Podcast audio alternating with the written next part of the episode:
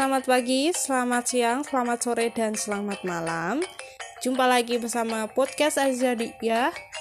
Kali ini kita akan bercerita dari Riau ya. Tentunya sudah tahu ya kalau lagu begini adalah lagu dari Melayu. Ya, langsung saja ya.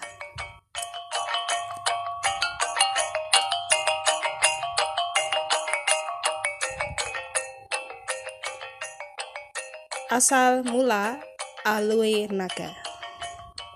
Suatu hari Sultan Murah mendapat kabar tentang keresahan rakyat di suatu tempat. Lalu beliau mengunjungi tempat tersebut, yaitu sebuah desa di pinggiran Kutaraja, untuk mengetahui lebih lanjut keluhan rakyatnya. Tuanku, banyak ternak kami raib saat berada di Bukit Lamnyong keluh seorang peternak. Terkadang, bukit itu menyebabkan gempa bumi sehingga seiring terjadi longsor dan membahayakan orang yang kebetulan lewat di bawahnya. Tambah yang lainnya. Sejak kapan kejadian itu? Tanya Sultan Murah. Sudah lama tuanku, menjelang ayahanda tuanku mangkat, jelas yang lain.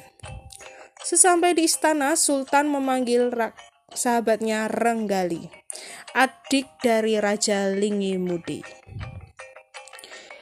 Dari dulu aku heran dengan Bukit Lamyong itu, kata Sultan Murah. Mengapa ada bukit memanjang di sana padahal di sekitarnya rawa-rawa yang selalu berair? Sambung Sultan Murah. Menurut cerita orang tua, bukit itu tiba-tiba muncul pada suatu malam. Jelas Renggali. Abang hamba Raja Linge Mude curiga akan bukit itu saat pertama sekali ke Kutaraja, seolah-olah bukit itu memanggilnya, tambahnya. Cobalah engkau cari tahu ada apa sebenarnya dengan bukit itu. Perintah Sultan.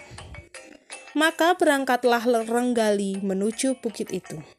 Dia menelusuri setiap jengkal dan sisi bukit tersebut, mulai dari pinggir laut di utara sampai ke sisi selatan.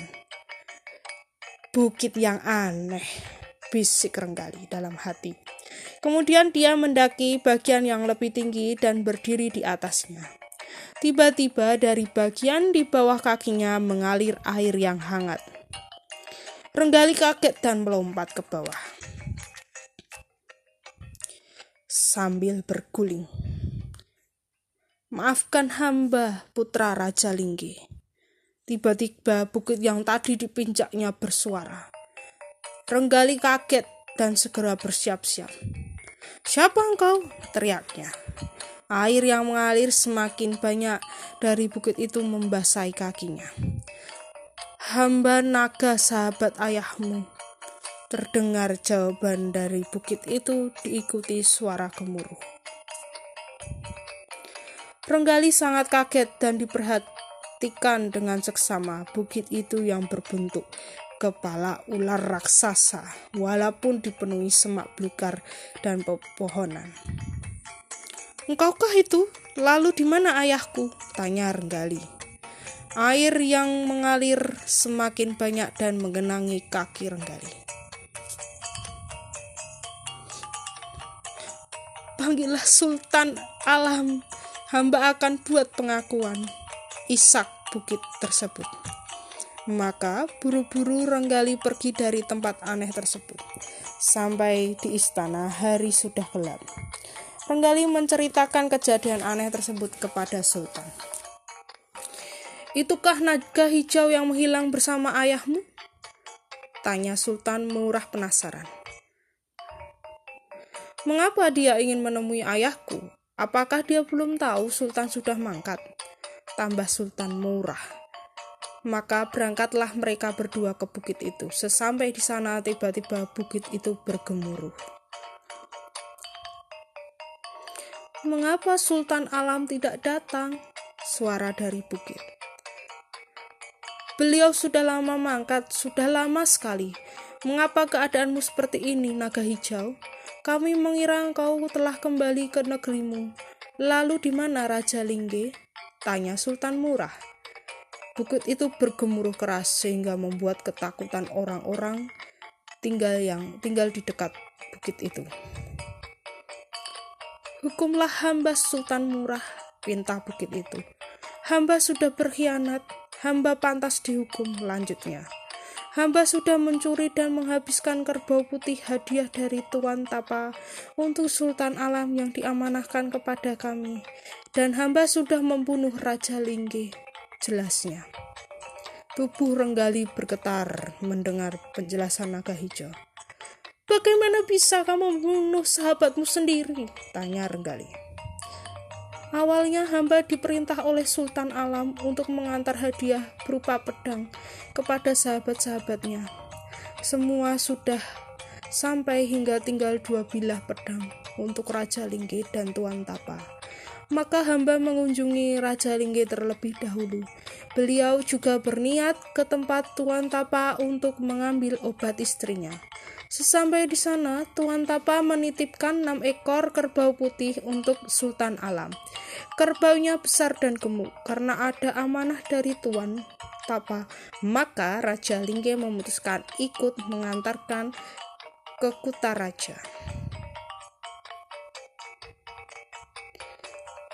Karena itu, kami kembali ke Lingge untuk mengantar obat istrinya. Namun di sepanjang jalan hamba tergiur ingin menyantap daging kerbau putih tersebut.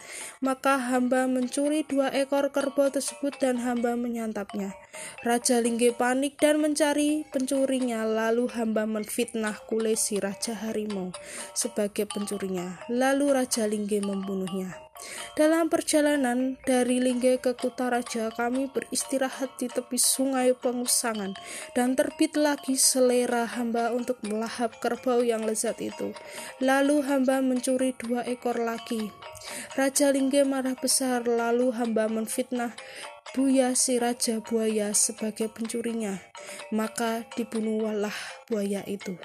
Saat akan masuk kota raja, Raja Lingge membersihkan diri dan bersalin pakaian di tepi sungai. Lalu hamba mencuri dua kerbau lagi dan menyantapnya. Tetapi kali ini Raja Lingge mengetahuinya, lalu kami bertengkar dan berkelahi. Raja Lingge memiliki kesempatan membunuh hamba, tetapi dia tidak melakukannya, sehingga hambalah yang membunuhnya. Cerita naga sambil berurai air mata. Maafkanlah hamba, hukumlah hamba, terdengar isak tangis sang naga. Mengapa engkau terjebak di sini? Tanya Sultan Murah. Raja Lingge menusukkan pedangnya ke bagian tubuh hamba sehingga lumpuhlah tubuh hamba, kemudian terjatuh dan menindihnya. Sebuah pukulan Raja Lingge ke tanah membuat tanah terbelah dan hamba tertimbun di sini bersamanya. Jelas sang naga. Hamba menerima keadaan ini, biarlah hamba mati dan terkubur bersama sahabat hamba. Pinta naga hijau. Berilah dia hukuman renggali, engkau dan abangmu lebih berhak menghukumnya, kata Sultan Murah. Ayah hamba tidak ingin membunuhnya, apalagi hamba, hamba akan membebaskannya, jawab renggali. Tidak, hamba ingin dihukum sesuai dengan perbuatan hamba, pinta naga hijau. Kalau begitu, bebaskanlah dia, perintah Sultan Murah.